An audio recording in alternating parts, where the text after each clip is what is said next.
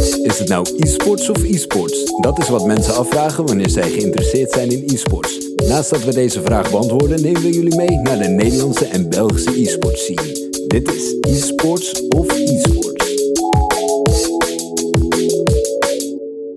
Hallo allemaal en leuk dat jullie weer luisteren naar een nieuwe aflevering van de eSports of eSports podcast. Mijn naam is Roby en vandaag hebben we iemand te gast die zijn eigen eSports organisatie heeft opgericht, namelijk Dynasty. Met Dynasty heeft deze persoon diepte en hoogtepunten meegemaakt en daar willen wij natuurlijk alles over weten. Floris Buurman, zou je jezelf eens willen voorstellen? Ja, ik ben uh, Floris Buurman, ik ben 27 jaar. Ik doe nu uh, 8 tot 9 jaar iets in de, iets in e-sports industrie als speler, coach, manager, noem het maar. Ik heb het hele riedeltje gehad. Mm En uh, mensen zullen, kennen, zullen mij kennen van Dynasty, maar misschien als je op balans bent geweest of livestreams hebt gezien van GamersUp. Uh, en daarnaast run ik mijn eigen consultancybureau, namelijk Everything Esports, waarmee wij de brug proberen te verkleinen tussen e-sports en de, nou ja, non-endemic partijen. De partijen die niet bekend zijn met e-sports. En een beetje een inzicht te geven in deze interessante, maar soms ook moeilijke wereld. 100%. Ja, je zei al, je bent 70 jaar, je bent een jaartje ouder dan mij. Dus ik ben heel benieuwd hoe die liefde voor e-sports bij jou is ontstaan. Ja, als, uh, hè, ik was altijd wel een beetje een gamer. Ik heb vroeger veel RuneScape gespeeld. Oh, heel vet. uh, vond ik heel leuk. Ik, ik was wel altijd free to play, dus ik, mm -hmm. ik was altijd aan het piqueën. Ik vond het leuk om andere mensen kapot te maken. uh, en dan hun loot jatten. Nou ja, dat, dat deed ik toen ik 10, 11 jaar was. Mm. Had ik mijn eigen clan. En toen vond ik mezelf het al heel stoer. Nou ja, op, op den duur heeft uh, Jack eigenlijk alles in RuneScape verprutst. Ja, goed ben ik overgestapt. exact, exact. Dat is heel sad. Dus toen ben ik overgestapt naar Warrock. Dat is een shooter die niet iedereen kent. Ken ik ook niet, nee. Uh, nou, er waren gigantisch veel cheaters, maar ik vond het altijd leuk om daar te snipen. Je had dan van die, van die snipers, uh, waar ik gewoon best wel goed mee was. De rest was ik trash, maar in general vond ik dat gewoon heel leuk om te doen. Mhm. Dus daarmee een beetje een eerste meer competitive game, denk ik, ervaren. Als we het hebben over uh, de, de e-sports titels. Nou ja, en toen eigenlijk doorgerold naar StarCraft 2. Dat komt via mijn broer. Uh, hij deed veel StarCraft 2 events. Hij werkte ook aan de Dutch StarCraft League in Nederland. Werkte hij aan mee als uh, vrijwilliger. En hij was ook moderator op het kanaal van Grubby. Mhm. Die we ook kennen als wereldkampioen in Warcraft 3 en hoog niveau StarCraft 2 en caster. En zo werd ik een beetje geïnspireerd als, als jochie van 14, 15, 16 denk ik. Mhm. Zoiets. De tijd gaat hard, dus ik vind het altijd moeilijk. Um, en nou ja, op de nu ben ik StarCraft 2 gaan spelen. Dat semi-competitive, master gehit. Uh, best wel hoog in de Benelux ook nog kunnen competen. Niet aan de top hoor, maar ja, als we het hebben over hoeveel spelers op dat niveau spelen, dan zijn het er niet zoveel. Ik denk top 64, top 32 een beetje. Mhm, mhm. Um, maar ja, daar, daar heb je niks aan. Weet je, ik ben super competitief. Ik hou van winnen. Uh, niet. en, en met top 32 ga je niet, uh, ga je niet winnen. Dus uh, toen geswitcht naar League. Ook omdat StarCraft een 1 tegen 1 spel is. En ik, die, die, ja, dat sociale component die miste ik wel. En ik vind het gewoon leuk om met mensen ergens naartoe te werken en samen een doel te bereiken. Mhm. En dat, dat had ik niet echt in StarCraft. Ik had wel een groepje hoor, waar we dan mee trainen, maar dat is toch anders. League en toen heel snel vanaf Gold naar Diamond gegaan. is een periode van drie maanden. Ja, daar ook een beetje competitive gespeeld, maar ook weer dezelfde realisatie. Uh, je bent niet goed genoeg. Wil je nu extra tijd erin gaan steken om te improven, ja of nee? Mhm. Eigenlijk niet. en ik was al de teamcaptain en toen ben ik die coaching kant op gegaan. En toen heette mijn allereerste team heette Mindset Zero. Vond een hele stoere naam toen. en het idee daarvan was, ja, verstand op nul. En misschien zijn we minder goed. En misschien vindt iedereen ons heel slecht. Boeit me helemaal niks. Wij zijn een team, we vertrouwen elkaar. En op basis daarvan verslaan we betere teams. Precies. Nou, dat is denk ik een beetje, als we het hebben over de storyline, mijn, mijn e-sports geschiedenis, dan is dat wel waar het is begonnen. Ja, heel mooi. Ik vind het heel mooi ik om te horen dat je eerste clan eigenlijk een RuneScape clan was. Want ik denk dat heel veel mensen van onze genera generatie, we schelen bijna een jaar maar, um, daar zijn begonnen. Dus dat vind ik een hele mooie brug naar, naar deze vraag. Want in februari 2018 heb je Dynasty opgericht, je eigen organisatie. Um, waarom wilde je dan een e-sports team oprichten? Ja, eerst had ik ook niet van dat ik het zou willen eigenlijk. Dus het is een beetje gekke. Ik was, vroeger was ik onderdeel van een, een Double Dutch Dragons heette dat. Dat was weer onderdeel van Lone Lions. Mhm. Ik ben natuurlijk onderdeel geweest van Lone Lions, community manager, team manager, et cetera. En toen ben ik daar een tijdje uitgestapt en ben ik naar die livestreaming kant gegaan. Maar ik miste de teams toch wel. Ik miste dat, dat competen, dat werken naar winst. En uh, er waren gewoon een aantal mensen waarmee ik had gewerkt, die, die nog steeds wisten dat ik een passie had voor League of Legends dan. Uh, en zodoende was ik op een gegeven moment in contact met Raken, momenteel headcoach van SK Academy. Ja. Uh, en hij, hij, was designer voor mij toen en hij was steeds beter geworden in het spelletje. Hij zei: Floris, ik heb een team, maar we kunnen geen organisatie vinden. Kan jij jouw netwerk even inzetten? En toen zei ik, joh, met alle liefde. Dus ik ging rondkijken, maar ze wilde een stukje salaris. En dan hebben we het over 2018. Nou, toen was salaris helemaal niet normaal. Ik wou net zeggen. Uh, maar ja, het was wel een heel goed team. Ja, wij wat gesprekken voeren, een beetje rondkijken, wat zou passen, welke mensen ik zou aanraden, welke partij ik niet zou aanraden. Op den duur kwam daar eigenlijk niks van. Mm. Een aantal teams die misschien wel interesse hadden, hadden al een ander team of wilden dan niet de hele line-up. Ja, zodoende. Um, Dan doe ik het maar. Eigenlijk was dat het wel, ja. En eigenlijk was het toen van, ik vind het wel heel tof. En dit is wel een kans om meteen een team te hebben wat vet goed is. Ik zei wel, ja jongens, we gaan geen salaris hebben. En dat was allemaal best wel moeilijk aan het begin natuurlijk. Mm. Ik weet nog dat uh, Serdal van Echo Zulu, die heeft het ook nog een beetje geholpen om ons op Fragomatic te krijgen. Mm. Dus hè, zo was het toch wel dat je een klein beetje kon doen. En toen eerste land Fragomatic wonnen we meteen. Nice. Um, en dat was super tof. En ja, de organisatie heette New Dynasty. Mm-hmm. Back in the day. En waarom ik, en dat is ook een beetje de urge waarom ik een organisatie wilde beginnen. Ik was het niet eens met hoe de organisaties gerund werden. Mm-hmm. Tot dat punt. Ik had een andere filosofie. Namelijk de filosofie dat er zoveel talent is in Nederland. Maar zoveel gewaste wordt. Omdat we continu de, de nou ja, misschien senioren blijven recyclen. Ja, en dat, betekent niet dat ik tegen senioren ben, weet je. Ik, ik denk dat het recyclen van ervaren spelers, en daar komen we later ook op terug, heel nuttig kan zijn. Maar ik denk ook dat er heel veel spelers zijn die nooit een kans krijgen om, om te kunnen performen. En dat betekent niet dat zo'n speler, misschien komt zo'n speler niet in je team en misschien is hij niet goed genoeg, maar zo'n speler heeft wel een keer geproefd. Die heeft een keer ervaren hoe het is om ergens try-outs te doen en te denken, holy shit, deze jongens zijn goed. Hmm. Of, ah, dit is zo tof. En en dan, dan kan je dat vlammetje, hè, dat laat je dan branden bij zo iemand. En die gaan dan harder werken. Want die weten waar ze naartoe willen werken. Maar heel veel jongeren in Nederland weten dat überhaupt niet. En dat is zo jammer. Ja. Um, dus ja, dat is denk ik een beetje, daar begon New Dynasty heel erg qua filosofie ook. Ja, en maar die, wat je benoemt, dat, dat is in Nederland en de Benelux dan in die periode. En misschien nu ook nog wel bij sommige teams. Maar dat is ook eigenlijk een weerspiegeling toch ook van hoe het in de, in de LCS gaat en de LEC. Daar wordt er ook bepaalde spelers weer terug gehad. Kijk naar dit seizoen nu weer. Björksen komt weer terug omdat er blijkbaar niet genoeg talentvolle midlaners zijn in Amerika. Ja, klopt. En nou ja, Björksen is natuurlijk fijn, want hij heeft marketing ervaring. en is toch op, ja. marketing inderdaad. Kijk, hij heeft 1,4 miljoen volgers. En nummer 2 qua LCS heeft 500.000 volgers. Ja. Um, dus je moet ook rekening houden met de waarde die zo iemand toevoegt, zowel aan ervaring als stukje reach en financieel is gigantisch. Mm. Maar nee, dat, dat recycle, dat zie je wel. Aan de andere kant, hè, ik heb dat toen een keer uitgezocht voor 2020. Uh, eigenlijk zijn alle spelers die in de LEC zijn gekomen, de gemiddelde leeftijd was 19,1 Mhm. dat je in de LEC komt. Ja, oké. Dat betekent dat effectief iedereen in Nederland die ouder is dan 19 en niet in de LEC zit, het moeilijker gaat halen. Ja. Dat bet- betekent niet dat die kans nul is, maar hoe ouder je wordt, hoe kleiner die kans wordt, tot en met een 0,1% bij wijze van spreken. precies. En dat veel ook van de spelers op hun zeventiende eigenlijk, soms zestiende, soms vijftiende al, wel hun eerste competitieve tweede divisie of ERL-ervaring hadden. Ja. Als we nu kijken, ook, hè, wij, wij hebben nu voor Dynasty trouwens voor tweede divisie. En daarbij hebben we ook zoveel aanmeldingen van jongens die 29, 21 zijn. Maar op zich zijn die al te laat. Hun doel zou, mag altijd, moet altijd LEC zijn. Ja. Maar het realistische doel moet een LFL of een Prime League of een LVP AK Spanje zijn. ja, precies. Ehm, om daar dan door te kunnen groeien. En dat zal dan waarschijnlijk je piek zijn. Want naar de C zou je niet meer moeten halen. En dan hebben we het ook over een niche. Hè? Dat zijn 10 teams, 5 spelers. Dat zijn 50 spelers totaal in Europa. Nou, hoeveel miljoenen mensen wonen er in Europa? ik wou het zeggen. Exact. Dat is topsport. En dan even terugkomen op, de, op het begin van Dynasty. Waarom eigenlijk de naam Dynasty? Ja, dat is dus een, een nieuwe Dynasty starten. Dat uh, heet een nieuwe Dynasty. Uh, de- iets anders gaan doen. Ja. Een beetje rebels.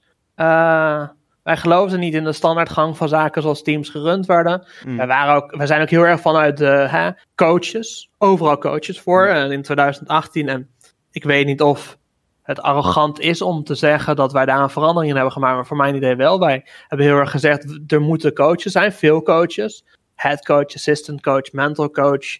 Uh, spelers moeten breder begeleid worden dan puur het spelletje. Mhm. Als jij lekker gaat in het echte leven, dan ga je ook lekker in het spelletje. 100%. Ehm, en dat, dat is een mix. Want op het moment dat jij goed in je vel zit, dan ga je gewoon het beste kunnen presteren. Dus spelers moeten ook zich vertrouwd voelen. Die moeten ook denken: joh, ik zit niet lekker in mijn vel. Ik vraag Floris even of we even 10 minuten in een call kunnen. Gewoon om even te vertellen wat er op school is gebeurd, of op werk, of thuis, of weet ik veel. En dat, dat was er allemaal niet. Ik vond dat de, de, de persoonlijke touch er niet altijd op dat niveau was. En er zullen geheidorganisaties zijn. Nou, weet je, ik heb natuurlijk niet een kijkje in elke organisatie gehad. Maar als ik als outsider ernaar keek, miste ik dat heel erg. Nee, precies. En ik denk ook dat dat, uh, het is ook niet arrogant om te zeggen van wij waren de eerste die ermee begonnen. Ik denk dat het juist uh, mooi is dat jullie de eerste zijn die er begonnen. Want juist, we, we spreken steeds over e-sports. Juist nu spreken we over van ja, uh, we moeten nog meer professionaliseren. Noem het allemaal op. Omdat de markt moet nog aantrekkelijker worden. Maar als het ecosysteem onder die markt nog niet goed functioneert. Als je niet de juiste mensen op de juiste plek hebt. Dan kan je ook niet groeien als markt, toch? Klopt. En, en dat is nog steeds een heel groot probleem. Maar het is gewoon heel moeilijk om uh, goede coaches te vinden. En Ja. er, er zijn wel een aantal coaches die dan wel coachen, maar ja, is dat dan de ideale coach? Niet altijd, hebben misschien nog veel begeleiding nodig. Mhm. Soms zijn ze ook jong, soms hebben, gaat een speler, wordt dan een coach, maar wil eigenlijk toch een speler blijven, maar is gaan coachen omdat hij niet goed genoeg was. Dat is ook een, een, een ervaring die je moet hebben, right? Het is ook niet dat ik zeg dat dat slecht is, maar dat is wel waardoor je soms gewoon coaches weer kwijtraakt. Mhm. En ja, die heb je nodig om nieuw talent te ontwikkelen en een gezonde infrastructuur te creëren. En daar de- vandaan dan die waarde te creëren waar jij het ook over had. Nee, precies. En we hebben het dan je hebt het over gezonde infrastructuur. Ehm, hoe kijk je zelf terug naar de periode waarin Dynasty is begonnen en dan twee jaar verder? Hoe is die afgelopen twee jaar, dus 2018 tot 2020, volgens jou verlopen? High highs, low lows, high highs, low low. Ik denk dat we nu weer richting een high high gaan. Mhm. Ik denk dat eh, als je Dynasty volgt, dan, ben je in, eh, dan ga je een achtbaan in. Mhm. Tenminste, zo is het een beetje qua ervaring gegaan. Ja, aan het begin was heel dominant. Alles was nieuw, maar we wonnen ook alles. Dat maakte het natuurlijk heel makkelijk. Eh, we wonnen eh, Ferromatic, we wonnen de Party. Eh, we domineerden het reguliere seizoen van Kaiser League toen der tijd nog. Mhm. Toen hebben we daarna gefaald in de, in de, lower, in de halve finales. Toen zijn we derde geworden helaas. ESL Benelux hebben we het ook heel goed in gedaan. Zijn we toen tweede geworden. Ehm, ja, eigenlijk waren wij het team to beat. We zijn bij de, de Benelux Premier League toen voor EU Masters. Ja, één best of five eh, verwijderd, zeg maar. We zijn toen in de finale gekomen. Dat was allemaal heel goed. Maar we raakten wel steeds spelers kwijt. En dat was een probleem voor ons. Toen hebben we gezegd, we gaan weer meer focussen op dat nieuwe talent. En niet per se het, nou ja, dat recyclen. Hè? Want wij kwamen ook een beetje in die loop. Omdat op het hoogste niveau kunnen presteren. Moet je eigenlijk wel weer betere spelers pakken. En de ervaren spelers willen ook vaak met ervaren spelers spelen. Mhm. Ehm, nou, en toen zijn we wat experimentele gaan doen. Hebben we ook spelers zoals een Robba bijvoorbeeld, die nu heel goed speelt bij MCON en daarvoor bij KVM. Ja. Eh, die zat toen in dat team, alleen ja, we kregen het in dat team niet werken. Het was misschien wat te vroeg. En toen zijn we naar die high-high gegaan van eh, spring, zeg maar, van eh, dit jaar. Nou ja, dus dat is 2021. Maar dat is denk ik een beetje het verhaal. En als we kijken naar organisatie breed, en daar ben ik heel, heel blij en heel trots op. Ik denk dat als mensen in, in het Nederlandse league-ecosysteem, als ze misschien zelfs bij een luxe denken aan, aan improven en verbeteren als speler, dan denk je heel snel aan Dynasty. Mhm. En ja, dat is de identiteit die je wil hebben. En het is ook dat spelers mij benaderen over, om, om dan eventueel coaching te kunnen krijgen. Of dat als een speler nu ook bij tryouts, dat ze wel aangeven, oh ja, die coaching hier, daar kom ik voor. Uh, dus dat is een reputatie die je opbouwt. En het is best wel moeilijk om een identiteit op te bouwen. En dat is ook iets wat ik denk dat veel organisaties in de Benelux nog lekken. Um, en soms missen ze ook een, een, een persoon. Kijk, ik ben een beetje een clown. um, alleen dat zorgt er wel voor dat mensen wel een beetje een gezicht hebben bij een organisatie. Ja. Al moet ik zeggen dat ik ben het gezicht. Maar het is ook goed als andere clowns of andere gezichten daarbij komen. Maar ik denk wel dat een, gezicht kunnen koppelen aan een organisatie is heel fijn. Want anders is het puur het merk. En dan denk je ook alleen maar over het merk na zoals jij het merk op dat moment ervaart. En als het dan wat minder goed gaat met het merk, dan ervaar je het ook op die manier. En dan verlies je soms een beetje je identiteit. Dus in het algemeen denk ik waar we nu staan, is top, weet je. We hebben heel veel, uh, heel veel mooie dingen bereikt. En we hebben echt heel veel gegroeid. Ik ben ook als persoon erdoor gegroeid. En Dat is ook iets, weet je. Door gewoon af en toe even hard je hoofd tegen de muur aan te slaan, Ja, zeg maar. ja. En, eh, en te balen. Eh, En wat was, zo'n moment, wat was zo'n moment dan, als je er eentje uit mag eh, kiezen, van dat je je hoofd hard tegen de muur aansloeg en dan voor, eh, dus voor de 2021 springsplit, Ja, daar gaan we daar naartoe. Exact. Ik denk dat eh, toen wij dus vanaf ehm, de, de we winnen alles, inclusief de BPL of tweede plek in ieder geval, hè, hoge Mhm. performances, Mhm. naar die, die nieuwe line-up en dan zo'n line-up maken. Ja, toen bij die line-up, dat, dat ging gewoon, eh, de, de line-up was wel oké, maar het ging zoveel moeizamer. En ik merkte dat mijn niveau van coaching ook niet aansloot meer. Want je begint met spelers met een iets minder hoog niveau. Ja, ga je toch op een andere manier benaderen. En dat was wel moeilijker. Het was ook vooral, ik had niet verwacht dat het mij zou impacten op de manier hoe het deed. Dat we niet meer die dominante organisatie waren. En dat we met moeite in een ESL Benelux top 8 kwamen. Terwijl ik daarvoor altijd keek naar, man, team 4 tot en met team 8 zijn zo slecht. Als je Ja. daar niet voor kan kwalificeren. Kijk, dat contrast, dat was zo groot. En, en ja, dat was echt wel een dingetje. En, en wat, wat voor leerles heb je daar dan uitgehaald? Dat je heel goed, ehm, nou, dat je eigenlijk heel goed kan doen wat ik heb gedaan. Mhm. Alleen dat je op dat moment niet moest verwachten dat je daarmee kon presteren.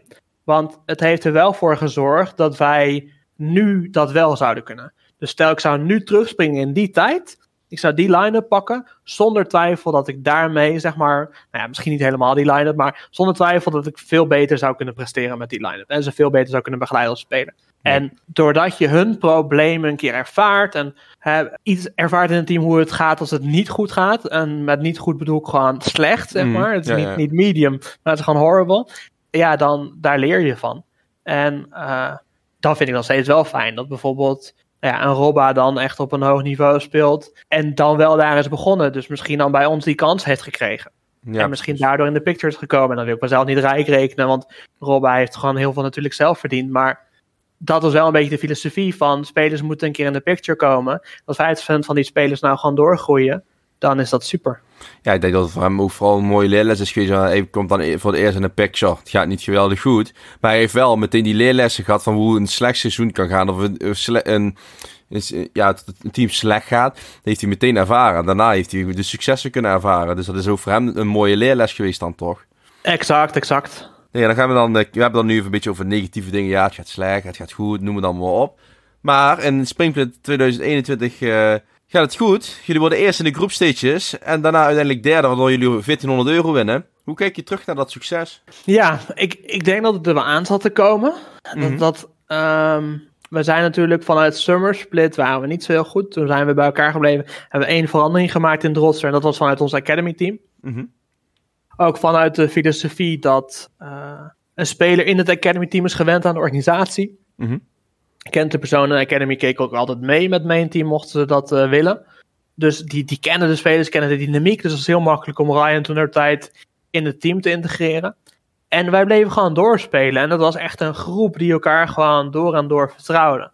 Oké. En we hadden gewoon een enorm leuke tijd samen. Gedurende die hele periode. En ja, dan, dan heb je een, een head start natuurlijk. Want je speelt als team samen bij andere teams die niet bij elkaar bleven.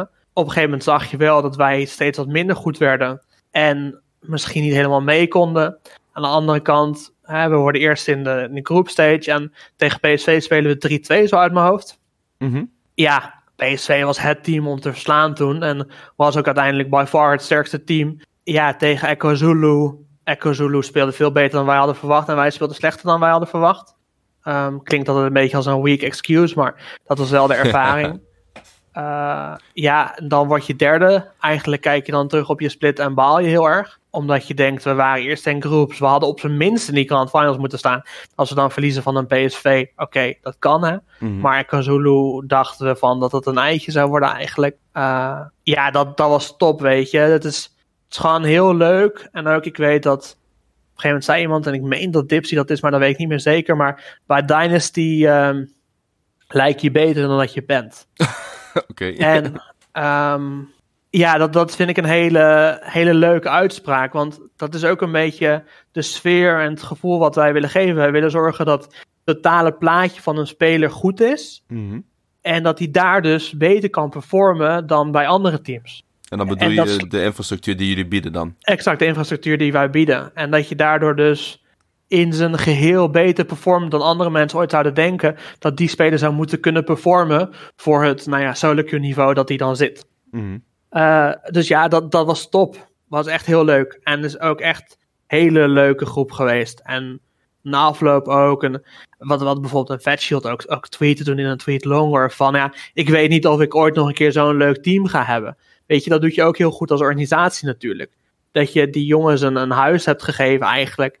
Uh, en een tijd hebt gegeven waar ze terugdenken en denken dat was geweldig. En dat is ook wat we als Dynasty willen. We willen eigenlijk dat je over tien jaar tijd, hè, stel je zit nu bij de organisatie en zitten we in 2031, dat je dan terugkijkt aan die tijd bij Dynasty en dat je denkt van joh, ik heb daar wel best wel wat geleerd. En ja, misschien dachten mensen het is maar een spelletje en het is maar gaming, maar ik heb wel geleerd hoe ik in een team efficiënt moet communiceren. Ik ben wel gestructureerder te werk gegaan. Ik weet hoe ik mezelf kritisch moet gaan beoordelen. Ik heb, je ontdekt gewoon dingen van jezelf als persoon die je misschien anders niet zou ontdekken. En wij dragen bij aan dit stukje in jouw leven. Uh, en of dat dan later is met e-sports of niet, in ieder geval wel dat jij iets hebt geleerd los van het spel. Ja, precies dat je ervaring hebt opgedaan hoe het nou is om in zo'n team te zitten en wat het allemaal betekent om in een team te zitten. Exact. En wat heb jij zelf dan het meest geleerd van die springsplit? Dat je um, misschien wat harder mag zijn. Kijk, dus um, en dat komt, heeft ermee te maken dat jullie steeds langzamer slechter werden, wat je zelf benoemde. Ja, eigenlijk de rest werd beter en wij niet. Ja. Ik heb op een gegeven moment tegen die jongens gezegd, en uit mijn hoofd was dat week 5. Ik zei, als we niet tegen niveau X, ik ga niet precies zeggen wat voor Mm. niveau, maar als we niet tegen niveau X kunnen winnen in scrims, dan verdienen wij ook geen plek op EU Masters. Nee, precies. Nou, uiteindelijk konden wij niet winnen van niveau X. En ja, dat is dan ergens zijn we wel tekort geschoten. Waren we toch niet goed genoeg en konden we ook niet meer die, die progressie realiseren. En misschien was het ook omdat we al zo ver lang bij elkaar waren. Ja, je gaat steeds meer nitpicken. Je gaat steeds meer klein, kijken naar kleine dingen die je kan Ja. verbeteren. En sommige spelers die eh, konden misschien niet hoger niveau op dat moment mee. Die hadden weer tijd nodig om te kunnen improven als speler. Mhm.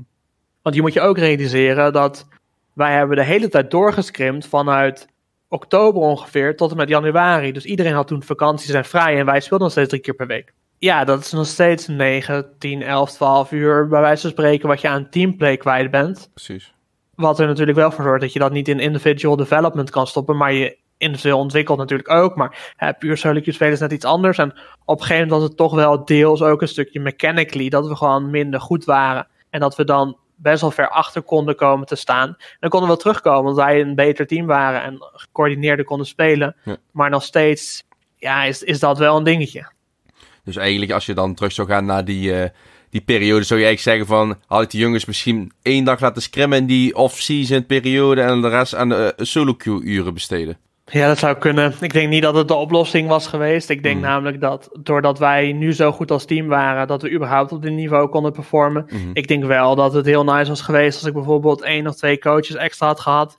Die echt de één op één sessies meer konden gaan doen met die spelers. Ja. En dat je dan bijvoorbeeld inderdaad zegt, we leveren één blok in van drie uur. En dan gaat iedereen één op één sessies krijgen in dat blok. Om ze toch wat hoger individueel niveau te krijgen. Ja, dat, als ik eraan terugdenk, hè, dan denk ik dat dat uiteindelijk de bottleneck was. Maar ja, dat, dat was wel eens gewoon een heel boeiend en leerzaam proces. Ik moet ook zeggen, ik denk niet dat ik het beter had kunnen doen. Nee, dat is denk ik ook wel mooi dat je het zelf wel zo kan reflecteren op jezelf. Van oké, we hebben gedaan wat we konden en dat had niet beter gekund. En stel je zou nu nog terugkijken naar die periode en denken van... Ja, shit, had ik dit maar gedaan en dit maar gedaan. Doen we het allemaal op. Ja, daar kun je van leren, ja. Maar je kijkt tenminste niet met spijt terug naar die periode, toch? Nee, zeker niet. En, en dat is, er zijn altijd dingen die je beter kan doen. Mm. Maar het is niet dat ik op dat moment, met de Floris van toen, zeg maar, Ja. en met de staf die we toen hadden, hadden we niet besloten om het anders te doen. Want we wisten niet wat beter zou zijn. Mm. Dus ja, ik kijk eigenlijk heel positief naar die periode terug. Dus dat was gewoon heel nice. Ja, over positief gesproken gaan we ook naar negatief gesproken toe. Eh Summer Split 2021. Ja, je kunt het negatief zeggen. Je kunt ook zeggen, we hebben veel van die split geleerd. Maar het ging niet goed. Jullie eindigden met geen enkele win. Zullen we maar zeggen. Hoe ben je met deze split omgegaan als persoon zelf? Je bent dan coach, general manager van dat team. Hoe, ben je, eh, hoe heb je zelf die split ervaren? Ja, dus, dus hier, hè, en dat, dat was. Eh, we hebben in 2021 hebben we veel hebben Jeremy en ik veel samengewerkt. Jeremy was op papier ook headcoach, maar in de praktijk deden we gewoon heel veel 50-50. Mhm, mhm. Ehm, Ja, dat, dat was een split waarin we, waarin we een beetje door zijn gedraaid in onze filosofie. En we dachten, ah, rookies, rookies, rookies. En uh, gemiddelde leeftijd en hoe lager, hoe beter. Mhm. En deze spelers, als wij nu goed spelen met deze spelers, dan worden ze opgepakt door een, een hoog Prime League team of hoog LFL team. Mhm. En dan kunnen ze op die 19 jaar nog LEC halen. Dat is een beetje een soort van de mindset. Kijk, wij waren ook een team wat een gemiddelde leeftijd had van 18 jaar. Of 17 jaar zelfs. Heel jong in ieder geval. Echt Ja, heel jong. ja. En ehm, dat vond ik top. En was het uiteindelijk een goede keuze? Nee, zeker niet. Had echt wel anders gemoeten. Maar het idee dat wij zoveel jong talent hadden. Ja, en uiteindelijk, hè, kijk, we zijn 0-10 gegaan. En we hebben geen win gepakt. En er is een reden dat we geen win hebben gepakt natuurlijk. Maar we zijn zo vaak dichtbij die win geweest. Mhm. En puur al in de eerste week hadden we eigenlijk een win moeten pakken. Maar het is toch een stukje onervarenheid in hoe we dat uitspeelden. En ik denk dat als wij één win hadden gepakt, dan hadden we er vier gehad, drie of vier. Dan, dan had je net even wat beter geweten hoe het voelt om te winnen. Ja, en hoe je zo'n game moet closen. Dan kom je uit die flow van negativiteit. Exact, en dan kom je ook uit die flow. Stel dat jij 5000 gold voor staat, dan denk je op het moment dat je 0-7 staat, denk je, ah, hoe gaan we deze keer weggooien? Terwijl als je op dat moment eh 2-5 staat, ja, dan denk je, oké, hoe gaan we dit uitspelen, jongens? We staan lekker ervoor. Kom op, we pakken die 3-5. Misschien kunnen we play-offs halen. Dus het is natuurlijk ook een mentaal spelletje. En uiteindelijk als ze in-game zitten, dan zitten spelers in-game, dan kan ik niks meer doen. Behalve echt super gespannen rondlopen in mijn kamer. af en toe wat pijltjes gooien en niet naar de game willen kijken. Ehm, maar ja, dat, zo ben ik. Alleen, het is wel een beetje, een beetje een gamble. En uiteindelijk zijn we, hebben we gewoon te veel rookies genomen. We hadden eigenlijk één of twee ervaren spelers in die line-up moeten hebben. Mhm. Als we dat hadden gehad, dan denk ik dat we aanzienlijk beter eh, hadden gepresteerd. En ehm, hoe gingen de spelers ermee om dan? Want je spreekt over van, ja, het was eigenlijk een rookie line-up. Eh, gemiddelde leeftijd was 18, misschien wel 17. Dat weten we even niet meer exact. Hoe zijn die ermee omgegaan? Want als hun dan een eerste kans hebben en dan zo'n split meemaken. Ja, w- wisselend. Kijk, eh, niemand vond het leuk, laten we dat voorop stellen. Logisch. Eh, het is niet, eh, als we kijken naar de sfeer in het team, is het niet dat mensen daarin toxic op elkaar werden. Fijn. Eh, eigenlijk is dat nog best wel lang heel positief geweest. Al moet ik wel zeggen, toen we 0-7, nu- eigenlijk vooral toen we 0-8 stonden en enig perspectief verdwenen was, ja, dan wordt het gewoon wel een stuk moeilijker. En dan, dan wordt het gewoon iets minder gezellig. Niet per se dat ze niet meer wilden. En elke keer voordat we begonnen was echt, jongens, we gaan ervoor en dit is de strategie en dit is het plan. En wilden we echt wel winnen. Maar hè, als je gewoon kritisch kijkt, dan, dan is het natuurlijk, er is gewoon al iets van elke persoon afgebrokkeld. Ja. Ehm, en dat, dat is jammer. En ik vind het ook jammer, want ik hoop niet dat die spelers afgerekend worden op deze split. En dat andere organisaties naar die spelers kijken en op een Wikipedia kijken en zien 010 en denken, oh, die zijn vast vet slecht. En dat vind ik eigenlijk het ergste. Dat, ik, dat, dat wij daarin een, een speler misschien kansen hebben ontnomen. En dat is, dat is balen. Dat weet je niet, dat is een aanname, right? Maar Ja, ik hoop dat zeggen. mensen net even wat verder kijken dan dat. Ehm, want qua personen, het waren allemaal geweldige personen. En het was heel erg fijn om mee te werken. En voor onervaren spelers hebben we echt op sommige momenten en ook in scrims dingen neergezet. Waarvan ik zou zeggen, fucking nice. Mhm. Alleen ja, dat is in comp uiteindelijk er niet uitgekomen. En ja, dan, dan eindig je 0-10 en dan kijk je terug op die split. En dan hebben een aantal jongens hebben echt nog wel gezet van, joh, niet, eh, niet te sip zijn. We zijn persoonlijk ook verbeterd en zo. Maar ja, die, die 0-10 die dramt nog wel een paar nachten slash avonden in je hoofd door. Ehm, dus ja, dat was die split. Ja, precies. En in principe, eh, het zijn allemaal leerervaringen. En eh, je maakt ook een mooie tweet eh, waarin je tweet van het is gewoon tijd om te reflecteren en te leren ervan. En denk, ik denk dat wat je zelf al een beetje benoemde, dat je geleerd hebt om niet je blind te staren op je filosofie en niet tunnelvisie te houden, maar ook soms even een zijpadje te nemen om te kijken van misschien moeten we dit toevoegen eraan. Toch? Exact, en, en, en dat is het ook een beetje, is dat het is helemaal niet erg om dan een team te hebben met een paar ervaren spelers en een paar rookies. Of misschien die rookies betere begeleiding te geven. Een academy team. Of ik, de, eh, je, kan je filosofie op verschillende manieren realiseren. Eh, en wat wij uiteindelijk belangrijk vinden, is dat spelers die misschien niet snel een kans krijgen, een keer ergens in die spotlight kunnen komen en op basis van die spotlight doorgroeien. En hoe dat is, ja, dat hoeft niet per se meteen in een main team te zijn. Alleen ja, in een main team krijg je wel de beste spotlight, right? Ik wou net zeggen. Over main, of de main spotlight gesproken. Um, jullie hebben uiteindelijk de keuze gemaakt om niet deel te nemen aan het Battle Royale toernooi. Zodat jullie geen plek kunnen uh, claimen voor de Elite Series. Uh, de nieuwe Benelux competitie. Waarin de Dutch en de Belgian League samen gaan. Um, was het voor jezelf een lastige keuze om die keuze te maken? Ja, zeker weten. Kijk, uh, ja, um, daar is gewoon is een heel proces aan voor gegaan. Okay. Dus we zijn in 2021 zijn we een beetje op de hoogte gebracht dat dit eventueel zou kunnen. Mm -hmm. Maar dat was allemaal heel vaag nog. Um, ook compleet onduidelijk op wat voor manier dat zou zijn. En ik heb, toen ook in, uh, ik heb ook een stream gedaan hierover waar ik het een en ander heb toegelicht. En daarin vertelde ik ook dat de informatie dermate vaag was dat wij als organisatie hier niet goed op uh, konden aanpassen. Wij konden niet zeggen, oh ja, dit komt er in 2022. Dus op het moment dat je in juli van het jaar, wanneer onze split al over was, ja. nog steeds geen, geen final informatie hebt over wat er gaat komen. Ja, dat is gewoon heel erg vervelend. 100%. En hè, daarin wil ik niet zeggen dat Meta de boeman is, maar wel Meta en Riot gecombineerd. En wie daar uiteindelijk verantwoordelijk voor is, dat weet ik niet. Ja. Maar dat heeft er wel voor gezorgd dat wij bepaalde keuzes hebben gemaakt, uh, die we anders, maar, ja, waarschijnlijk gewoon op een andere manier hadden gedaan als we meer hadden geweten. En ook ons beter daarvoor hadden kunnen voorbereiden. Dus hè, dat zorgt een beetje voor die, voor die nare, nare smaak in je mond. En dan wordt het ook wel moeilijker als je richting die Battle Royale gaat kijken. Want ja, je, je hebt niet zo goed geperformed in, in Summer. Dat is slecht, laten we het, laten we het zo noemen. En ja, uiteindelijk was het dat de top 3 automatisch uitgenodigd werd. En toen dachten we, ja, we hadden een hele goede spring split.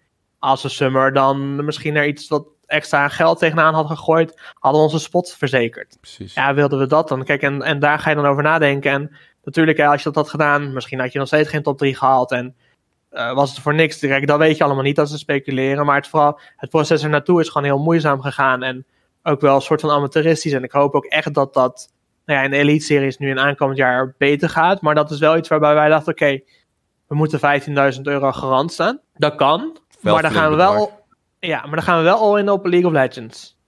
Dan gaan we wel all in op een main team. Ja. En gaan we met 15.000 daadwerkelijk kunnen presteren dan in de main league. Want ja, stel dat ik zevende of achtste word in die main league, is niet interessant. Ook niet heel erg appealing voor sponsoren. Is moeilijk om met elke keer een los content te maken. Dat hebben we ook in Summer ervaren. Hmm. Ja, is dat het dan waard? En stel dat die 15.000 doen en we performen slecht. En we krijgen geen sponsoren geïnteresseerd. En het jaar daarna skill die 15.000 naar 20.000 bijvoorbeeld. Als minimum eis om te investeren in je spelers. Ja, dan moet je wel die 20.000 hebben. En er gaat heel veel tijd in dat main team ook. Dus je kan, ja, je hebt maar x aantal mankracht in je vereniging als vrijwilligers ook. Dus daarin moet je wel realistisch zijn. En toen hebben we wel gedacht van joh, het is nu nog niet de tijd. Uh, wij gaan hier niet op all-in, we gaan het risico niet nemen. En we gaan lekker kijken hoe wij daar naartoe kunnen groeien. En dan in 2023 in de Elite Series participeren. En dat is ons doel ook. Domineren in 2022. En dan promoveren. En zeggen: jongens, daar zijn we weer. Jullie hebben ons vast vet hard gemist. We gaan jullie allemaal kapot maken. maar je benoemde dat het een, ama, een soort van amateuristisch was hoe het is gegaan, de announcement van de Elite Series. Dat er gewoon heel veel onduidelijkheid was en gewoon in een kort tijdsbestek het gewoon bekend is gemaakt dat jullie amper tijd hadden om jullie voor te bereiden. Is dat ook een van de redenen uh, voor jullie dan ook geweest om te zeggen van ja, we kunnen wel instappen, maar we doen het niet, tot we daarnaast niet weten wat volgend jaar de limieten gaan zijn voor het geld, uh, wat het gaat betekenen? Zeker, ja hoor, daarin is ons vertrouwen echt wel geschaad. Dat kan je echt wel op die manier ook zeggen. Kijk, wij hebben twee jaar heel erg geïnvesteerd om die Dutch League en de, de Benelux League, zeg maar, dan daarin te verbeteren. Mm -hmm. um, en het feit dat je dan, nou ja, pas na de tweede split in 2021 hoort hoe 2022 eruit gaat zien. Terwijl je wel 24 maanden al hebt lopen zweten. Ja. Om iets moois neer te zetten voor je team, maar ook voor de andere teams en ook voor het ecosysteem. Ja, dat, dat kan gewoon niet. Kijk, als, wij, als we naar een hoger en professioneler niveau willen gaan, dan, dan hoor je dit al te weten aan het einde van 2020. Ja. Dan hoor je te weten na dit jaar gaan DL en mergen? Gaan we naar acht teams? Zo gaan we de teams selecteren. Uh, zo gaan we eventueel nog extra teams kunnen laten kiezen. Dit zijn de dingen die we nu nog overwegen. Daar hebben we een deadline voor, voor bijvoorbeeld maart om dat te beslissen. Ja, dat, dat, dat zou het minimale moeten zijn als het aan mij ligt. En dat is niet gebeurd. En toen was het ook van, joh, als wij in de afgelopen twee jaar niet partijen aan ons hebben kunnen verbinden om echt iets gezonders te kunnen creëren. Uh, ja, waarom zou dat dan opeens aankomend jaar veranderen als we ook nog eens meer tijd erin moeten gaan steken? Nee, precies. En um, jullie hebben dan, ik denk dat dit verhaal ook bij meerdere organisaties van de Dutch en de Belgian League is, uh, uh, voor zichzelf spreekt, dat ze er ook niet mee tevreden zijn. Is er ook geen moment geweest dat jullie dan als organisatie-eigenaar hebben gezegd van we gaan met z'n allen nu even een vuist op de tafel slaan? Ja, dus er is wel meermaals met de vuist op de tafel geslagen. Uh, er zijn ook gewoon heel veel gesprekken geweest. En daarin heeft, heeft Moritz hè, van Meta, mm. uh, die de lead is, zeg maar, in dit verhaal ook echt wel zijn best gedaan, weet je. Ik, ik geloof niet in, in, in onwil. Ja. Uh, het is allemaal met de beste intentie gegaan, maar dat betekent nog steeds niet dat het goed gaat. En ja, er, er zijn best wel veel gesprekken voor gevoerd, zowel privé als ik met andere organisaties, als met Moritz, als groep met Moritz. Maar uiteindelijk is daar iets uitgekomen wat voor ons niet werkte. Mm. En kijk, ik denk ook hè, dat teams die uiteindelijk gewoon gekwalificeerd zijn, ja, die gaan wel hun mening geven, maar die gaan ook weer niet heel vervelend zijn. Nee, precies, want die willen daar blijven. ja, die willen daar blijven. Het is niet dat ze er zomaar uitgezet worden, maar ja, je wilt niet extra frictie creëren als dat niet nodig is. Nee, precies. en dat snap ik, weet je. Ik, ik kan ook niet zeggen dat ik dat misschien wel op diezelfde manier zou doen. Ik zou nog steeds mijn mening geven, omdat ik denk dat uiteindelijk het proces niet goed is geweest. Maar als ik merk dat ik iemand heel erg hard aan het irriteren ben, dan doe ik wel een, een beetje gas terug. Terwijl momenteel had ik zoiets van: ik heb niks te verliezen. Dus ik ga net zo lang pushen totdat ik hopelijk mijn resultaat kan bereiken. Of totdat ik zekerheid heb. Kijk, het, het, hoeft niet te gaan zoals dat ik wil. Maar ik moet wel weten waar ik aan toe ben. En dan kunnen we daarop inspelen. En ook al ben ik het er helemaal niet mee eens. Maar dan kunnen wij wel plannen maken. En dan kunnen wij wel weer verder. Ja, precies. En ik denk dat het ook gewoon een.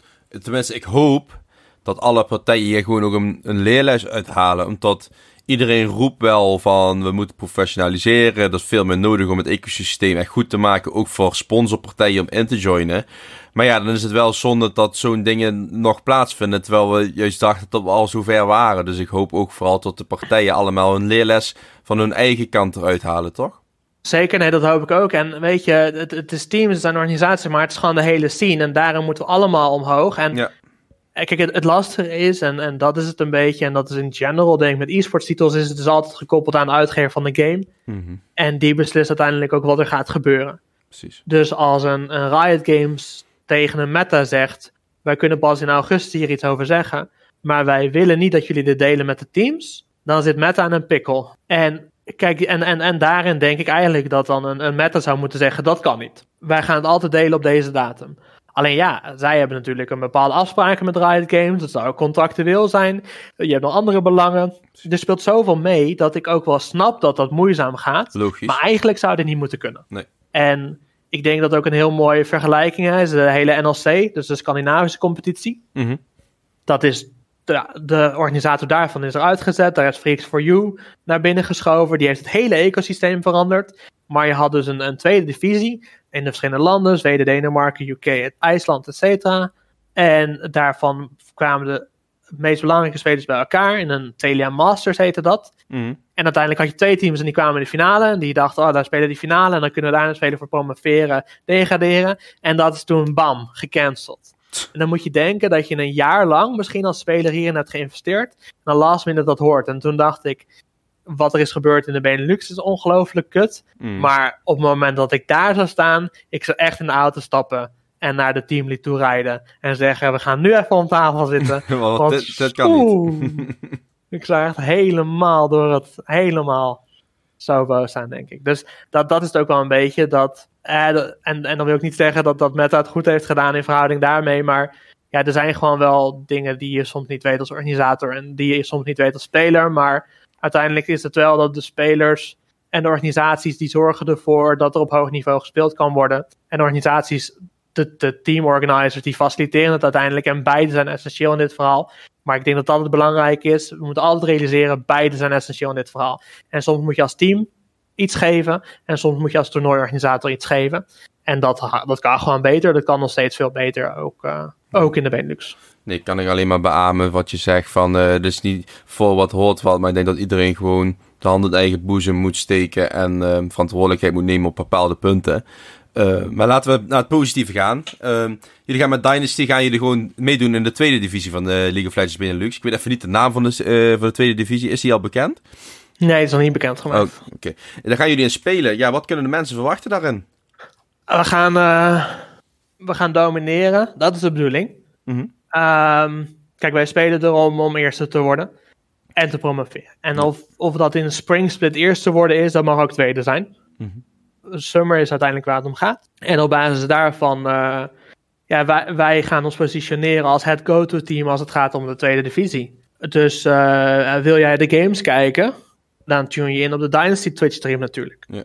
En wij coveren ook alle games. We coveren niet alleen onze games. En dat is het een beetje, wij hebben bepaalde ervaringen. We hopen eigenlijk wat we in de DL hebben gedaan de afgelopen twee jaar, dat mee te nemen naar de tweede divisie. En dat misschien ook als deel uh, te gebruiken om die tweede divisie ook te laten groeien.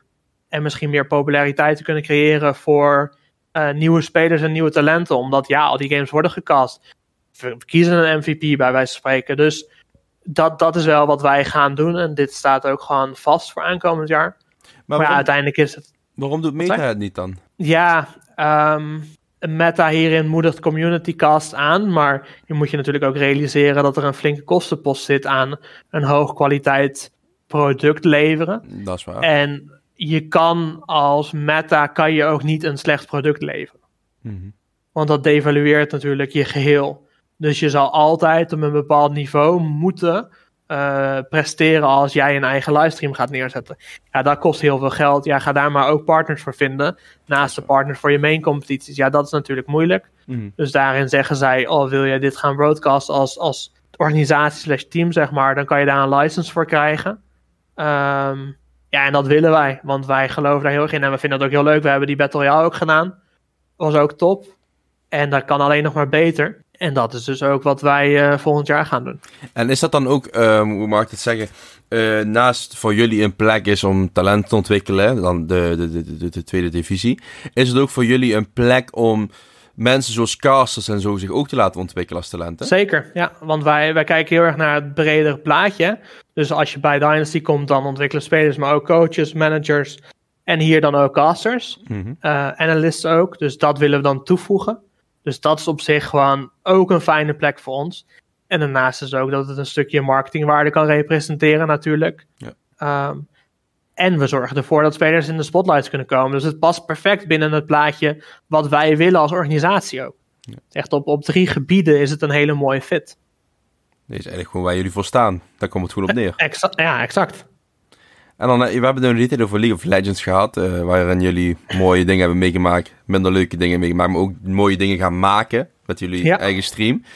Um, maar je tweette laatst ook van, uh, ja, welke games moeten we uitbreiden? Zijn er al keuzes Zeker. gemaakt? Um, ja, er zijn waarschijnlijk wel keuzes gemaakt. Uh, kijk, we hebben back in the day natuurlijk ook andere games gehad, hè?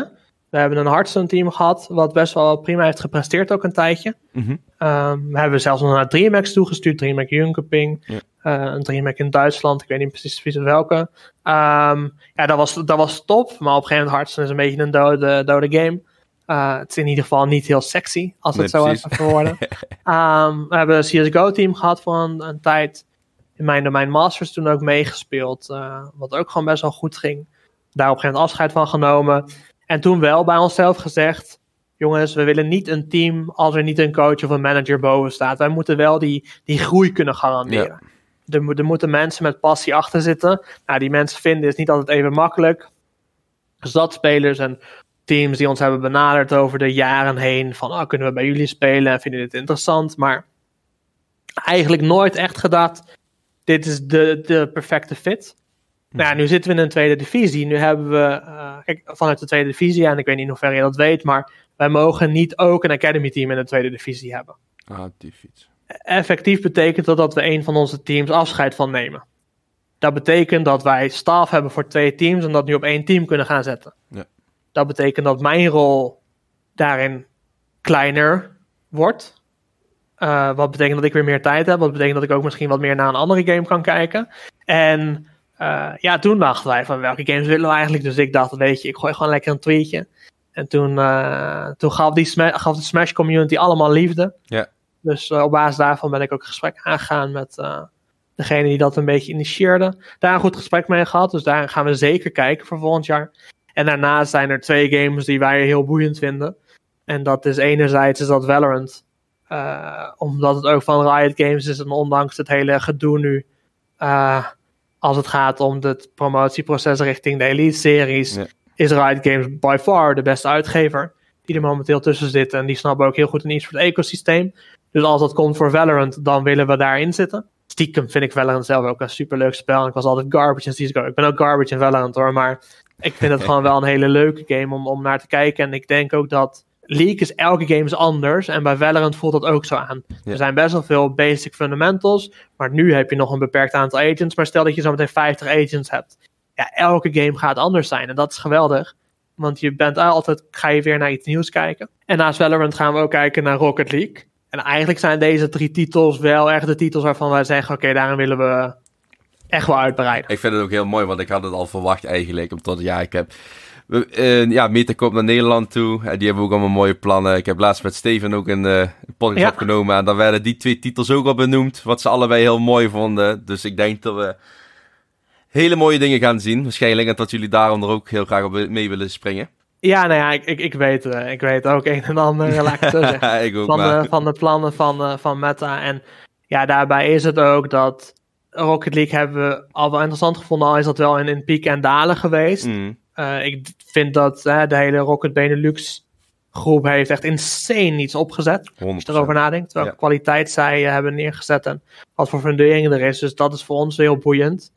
En ja, Valorant, misschien gaat het er volgend jaar nog niet zijn, maar die gaat CSGO gewoon uh, ja, wegduwen. 100%. En, en, en dat is iets. En, en weet je, boeit me niet echt wat de luisteraars daarvan vinden, maar de CSGO-scene in de Benelux is zo toxic.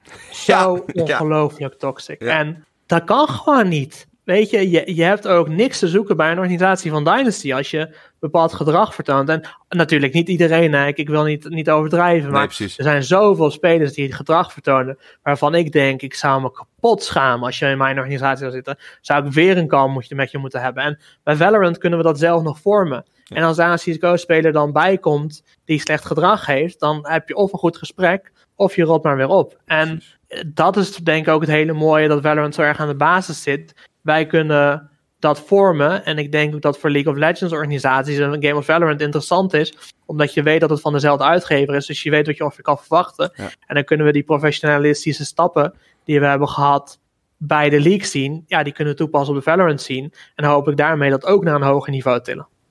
Nee, precies. En gewoon ook een game die nog gewoon bouwend zelf is. Maar ze wel een partij achter zich hebben staan die gewoon weet hoe het hoort.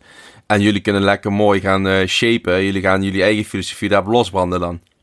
Exact, want weet je, als wij ook kijken naar een try proces bijvoorbeeld bij ons nu. We hebben nu dat main try proces. We hadden iets van 70 aanmeldingen. Nice. Van die 70 aanmeldingen hebben zo'n 35 het ongeveer gemaakt in de eerste cut. Mm -hmm. Dat is puur op profiel en dergelijke. Nou, daarvan zijn zo'n 10, zo out of my mind, hebben we nog afgewezen na een, na een call. Mm. Ja, wat hebben wij? Wij doen een videocall met jou, dan hebben we, heb je je camera aan. Ja. Heb je niet je camera aan, dat is al een minpunt. Benoem je dat je niet had verwacht dat je je camera aan had moeten doen. Uh, en zeg je, ik doe hem volgende keer aan, dat gaat nu moeilijk. Oké, okay, verdwijnt je minpunt weer, weet je. Wij zijn ook ja. mensen. Maar ga je het er niks over hebben? Ja, dan, dan heb je daar blijkbaar niet een oog van detail voor. Dat is wel een stukje professionalistische houding. En daarbij is het ook dat op het moment dat je je camera aandoet, dat betekent dat je, nou ja, misschien ook wel wat sneller materiaal bent gerelateerd aan branding. En branding is waarde. Ja. Dus dat is al stap 1. Nou, dan hoe kom je over? Op het moment dat je je camera aan hebt, kan ik je mimiek lezen. Kan ik zien hoe je erbij zit? Wat verhouding heb je? Hoe kijk jij als je praat? Hoe, wat, voor, wat voor gezichtskenmerken heb jij? Ja, op basis daarvan weet ik ook gewoon of wat er tegenover me zit, of dat echt is. En of je full focus dit gesprek doet. Ja, dat zijn wel dingetjes waarvan ik eigenlijk zelden hoor dat andere organisaties dat doen. Altijd bij organisaties overnodig je uit van trouwt en we gaan kijken hoe je speelt. Maar ja, op, op, op basis van deze filtering hebben wij meteen al tien mensen, plus minus, bedankt. Omdat we denken dat het niet precies de fit is die wij zoeken. Maar dat is ook heel doodnormaal. Eigenlijk hoort het wel gewoon. Want als je kijkt gewoon, je wilt een ecosysteem opbouwen. Vraag elk persoon die niet actief is in de e-sport, maar een baantje wilt die op gesprek moet komen, dan moet je gewoon naar, laat zeggen, even de appie gaan op je fietsje. Je gaat daar zitten, je hebt een gesprek met een persoon en het is face-to-face. En ik denk dat mensen nu, ja kijk, Discord is heel makkelijk allemaal en is allemaal gewenning. Maar als je professional wilt worden, dan moet je ook professioneel een, eh, een, een sollicitatiegesprek aangaan. En ik denk juist dat het juist heel belangrijk is om dit te doen, inderdaad. Nee, exact. En, en kijk, en dan heb je een filtering. En daar win je ook weer mee. Want je moet ook realiseren dat stel dat jij dat niet doet. Ja. En we hadden die tien mensen meegenomen. En misschien dat een aantal daarvan ons positief hadden verbaasd. Maar ook een aantal zullen geheid zijn zoals wij verwachten. Ja. Dat betekent dat die een scrim hebben meegespeeld. De scrim is altijd met vijf man.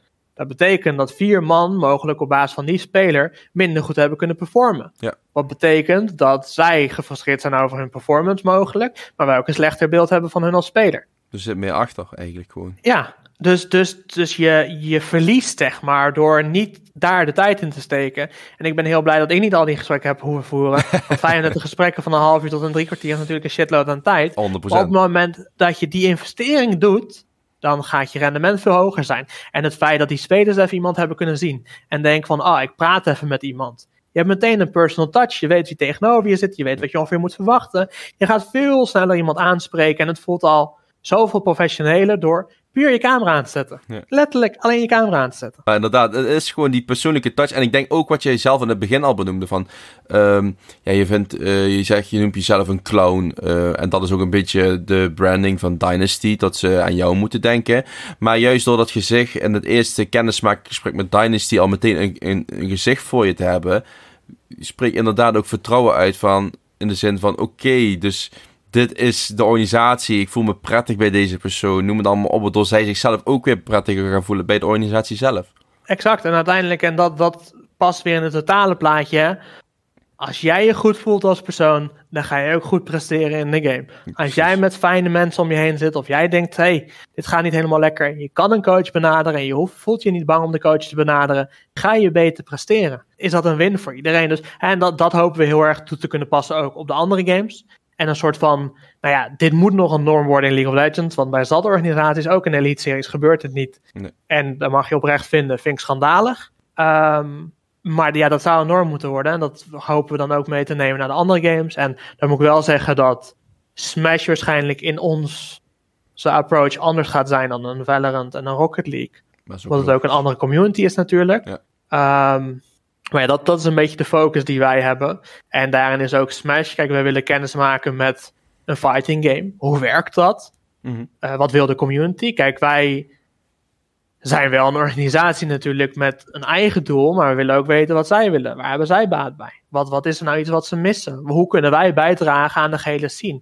Ja. Kijk, uiteindelijk wil ik dat iemand fan is van Dynasty. Ik wil niet dat mensen denken, oh Dynasty, dat is dat team wat ook Smash-spelers heeft.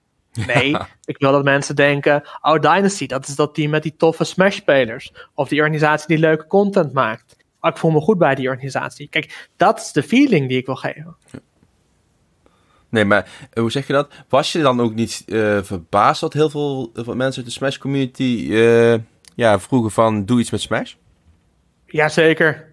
Voor mij was, eh, was een Smash community. Kijk, ik weet dat er een Smash community zit. Is, ik zit al zo lang in e-sports dat ik dat wel weet. Maar ik, ik weet verder niks van de Smash community. Dus het feit dat één iemand reageert en van had hij 40 likes Ja, op zijn post. ja. Ja. dat is mind blown. Want ik moet eerlijk zeggen, ik had het anders niet overwogen. Nee, precies. Ja, dat is wel het mooie. Ja. Nou ja, ex- exact. En dat is ook een beetje waarom we dat wel op zo'n open manier willen vragen. Eh, en ik dan mijn persoonlijke bereik inzet, omdat ik weet dat ik daar ook wel andere volgers heb van andere games. En daarmee dan hoop om die communities ook te bereiken. Want kijk, als zo'n community ergens naar zoekt en wij kunnen dat faciliteren en zij kunnen liefde teruggeven, ja, dat is perfect. Dat is gewoon een win-win. Daarom. Wat nog meer een win-win was, was afgelopen april. Hebben jullie een heel mooi in- initiatief opgezet. Dat past ook weer typisch bij jullie. Omdat jullie ook jullie eigen streams organiseren voor de, eh, voor de tweede divisie. eh, Voor de Ja. Battle Royale. Dus het past bij jullie ook om te creëren, dingen op touw te zetten. Ehm, dat was de, de eh, stream voor de Autisme Awareness Week. Of Ja. dag. Ik weet even niet meer in mijn hoofd. Waarmee jullie in totaal 2500 euro hebben opgehaald. Hoe kijk je terug naar deze stream?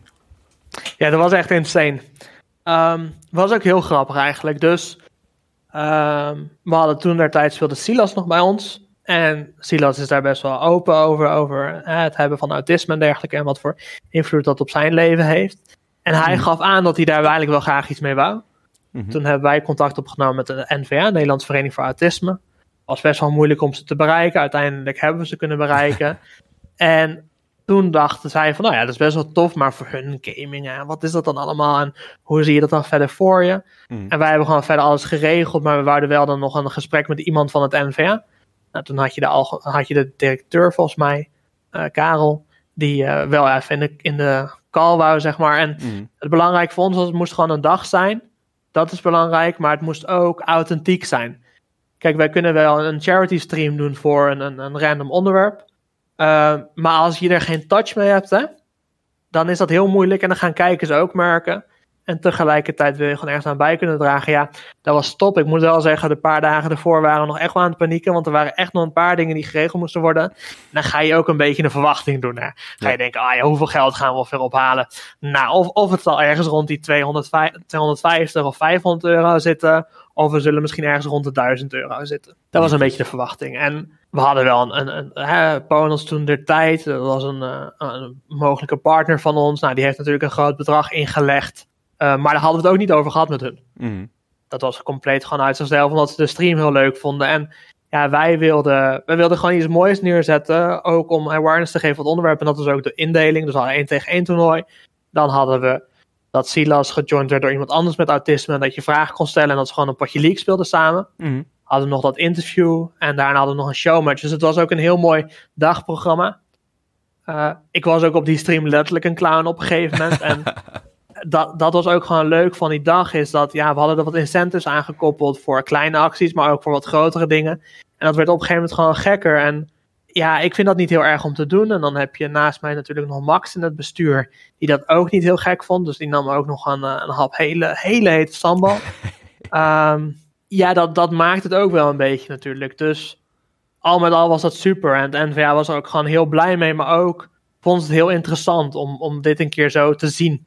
En dat is ook weer wat bijdraagt aan mijn filosofie, is dat als meer mensen positief zijn over game en e-sport, wordt het wat meer mainstream. Precies. En ook zulke partijen, ik hoop dat we hun hebben geïnspireerd. Of sterker nog, ik weet het vrij zeker dat we hun hebben geïnspireerd. En dat ze op een andere manier naar gaming kijken. En merk, heb je dan zelf ook gemerkt binnen de jullie community dat het initiatief ook uh, bij heeft gebracht aan een beter beeld uh, over autisme? Heb ik niet specifiek, uh, zijn we niet verder op gaan controleren of dergelijke. Nee, controleren vind ik een beetje negatief klinken, ja, maar meer, ja, meer, ga, meer gaan checken, zeg mm. maar. Of hebben we niet specifiek nog met mensen over gehad, maar we hebben wel heel veel, ik heb best wel veel mensen gehad in de korte periode na die stream, een week twee weken, die echt nog even zeiden, al was super. En we hebben toen op een gegeven moment nog dat, dat betalingsprobleempje gehad. Ik weet niet of je daar iets van mee had gekregen, maar we hadden het geld staan op, uh, via de tool die wij gebruikten om die donaties te ontvangen. Mm -hmm. En uh, daarin hadden we het geld nog niet overgemaakt naar NVA, omdat die hadden aangegeven dat we daar nog even mee konden wachten en dat het handig was. Nou, prima, weet je. Dan houden wij het tijdelijk even. Maar toen had die tool het teruggestort. Ja, daar wel mee gekregen. Ja, klopt, ja, ja, en uh, ik heb contact met hun gehad en dat hadden ze helemaal niet kunnen moeten doen. En dat stond ook in al het verkeer wat ik met hun heb gehad. Mm. Maar dat was opeens zo. Ja, dan ben je fucked. Dus ik iedereen benaderd. Nou, uiteindelijk hebben we denk ik 80 euro dat we kwijt zijn geraakt aan donaties. Ja, nou, dat heb niks. ik toen zelf bijgelegd. Weet je, dat is het verschil niet op dat bedrag. Ja, dat is jammer. Maar toen was het wel weer iedereen. Ja, super tof. En natuurlijk maak ik dat geld weer over. Ja, kijk, dat is het mooie dan, dan weer aanvallen. In principe, door zo'n fout worden mensen dan weer benaderd over die stream. En ze kijken daar zo leuk naar terug dat ze zeggen: Ja, tuurlijk, uh, hier, uh, jij bent. Exact. Dat is ja, weet je, ik ging er toch vanuit dat ik het geld niet zou hebben. dus hier heb je het weer. En dat is het wel. Er waren gewoon heel veel mensen heel positief over. Mm. En daar doe je het uiteindelijk voor right. We hebben ook, uh, we zijn natuurlijk toen nog op NOS Stories ook beland. Silas is daarvoor geïnterviewd. Er zijn ook nog 115.000 views, zo uit mijn hoofd. Uh, ja, dat is bizar. Ja. En daar doe je het niet voor at first. En dat is denk ik ook een beetje het mooie is... Je doet het omdat je iets met het onderwerp hebt, omdat je iets moois wilt neerzetten, omdat je een leuk bedrag wilt verzamelen. En dan komt er gewoon heel veel meer moois uit, uh, omdat het gewoon authentiek is. Het zit gewoon bij jou als persoon en je vindt het belangrijk om je hiervoor in te zetten. En als we dan even kijken, we hebben het nu over de leuke dingen gehad, de minder leuke dingen, maar ook de mooie prestaties wat jullie hebben gedaan met Dynasty. Waar, waar ben je het meest trots op wat je op dit moment met Dynasty hebt bereikt? Ja, het is een mix. Ik denk dat de, de, de Autism Awareness Stream staat echt wel hoog Mhm. in het lijstje. Spring Split staat ook heel hoog. Eh, eerste periode van presteren staat ook heel hoog. Ehm, maar ik denk dat het globale plaatje echt wel dat we impact hebben kunnen maken als het gaat om, om coaching. Ja. En dat we die identiteit hebben opgebouwd van Dynasty, die, die verbetert spelers en die is er voor de spelers. En daar kan je goed je carrière starten. Nou, en is dat uiteindelijk niet het doel. Hè? Uiteindelijk willen wij domineren met talent. Mhm. Ehm, maar ja, het, het feit wel dat mensen op die manier naar je kijken. En ik heb ook niet het gevoel, en misschien ben ik delusional hoor, dat kan krijg ik als deze podcast online komt nog een berichtje, dat het totaal niet mag. Maar ik heb ook niet het idee dat wij als organisatie worden gezien als, oh ja, dat vind ik een vervelende organisatie, of daar wil ik niks mee. Misschien dat mensen denken, oh ja, die organisatie past niet precies bij mij, maar dat is natuurlijk anders, dat is neutraal. Ja, precies. Ehm, en dat is het vooral, dat als organisatie proberen wij ja, een beetje die good guy, misschien een beetje nerdy te zijn, dat boeit me niet heel erg, to be honest. Eh, ja, daar ben ik wel heel trots op. Dus ik, ik denk dat het een mix is natuurlijk van dingen en alles versterkt elkaar een beetje. Ja. Maar in het algemeen denk ik dat wij iets hebben neergezet wat heel veel heeft bijgedragen aan de league scene in de, de Benelux. En in de aankomende jaren dat en nog veel meer ook in andere games gaat doen. Ik denk dat je dat zo mooi verwoordt. En dan ben ik vooral nog benieuwd naar wat dan je uiteindelijk doel is met Dynasty. Ah, Oké, dus en, uiteindelijk het doel is eh, zelf talent opbouwen, dat talent intern door laten groeien En winnen. en met dat talent winnen. En daarmee ga ik niet zeggen dat we niet ook ervaren spelers nodig hebben en dat we die aan het main team toevoegen en dat elk talent altijd doorgroeit naar het main team. Dat zeg ik zeker niet. Maar ik zeg wel, wij, wij gaan die risico's blijven nemen. Eh, in die elite series ook. We willen performen. We willen dat er talent een kans krijgt. Hmm. En we willen winnen. En dat, dat is waar we onszelf gaan zien. En wie weet komen we ooit wel een keer naar LEC. Dat is, dat is heel ver weg. Maar als we kunnen, dan zou ik het allerliefste met Nederlands talent op de absolute wereldtop presteren. Heel mooi doel in het vooruitzicht. Ehm, ja, ik wil je allereerst bedanken dat je tijd hebt gemaakt voor ons. Of voor mij. Ja, geen enkel probleem. Ehm, en ik heb nog één vraag. Ik weet niet of je bekend bent met het codewoord. Nee, Ja, wij vragen altijd aan het einde, dus dat betekent dat je niet tot het einde hebt geluisterd. Als je eens geluisterd hebt, vragen we een codewoord aan onze gast. En dan kunnen mensen ons eventueel berichten om te laten weten dat ze tot het einde hebben geluisterd. Dus je mag voor ons een eh, codewoord bedenken. een codewoord bedenken. Nou, dat moeten de Lekker Boys zijn. Lekker boys. Nou, jong, luisteraars, jullie horen het. Het codewoord is lekker boys. Dus als jullie tot het einde hebben geluisterd, bericht Floris of bericht mij met het codewoord lekker boys. Ehm, ja, ik denk dat we veel van jullie kunnen gaan verwachten. Eh, jullie gaan eh, de second, eh, of ja, de second, de tweede divisie van League of Legends streamen. En jullie gaan erin deelnemen. Dus voor de luisteraars die benieuwd zijn En naar die stream. En domineren, want dat was het plan. In 2023 zijn jullie terug in de Elite-series en domineren jullie. Ehm, ja, voor de luisteraars, als jullie die, die, die, die, die weg naar die Elite-series willen volgen, ga dan zeker Dynasty volgen op hun social media kanalen. En eh, hou een stream in de gaten. En dan kunnen we, we gaan er gewoon vanuit dat Dynasty in 2023 weer in de Elite-series zit. En dan wens ik Floris heel veel succes mee. Ja, dankjewel. En jij enorm bedankt voor dit eh, mooie initiatief.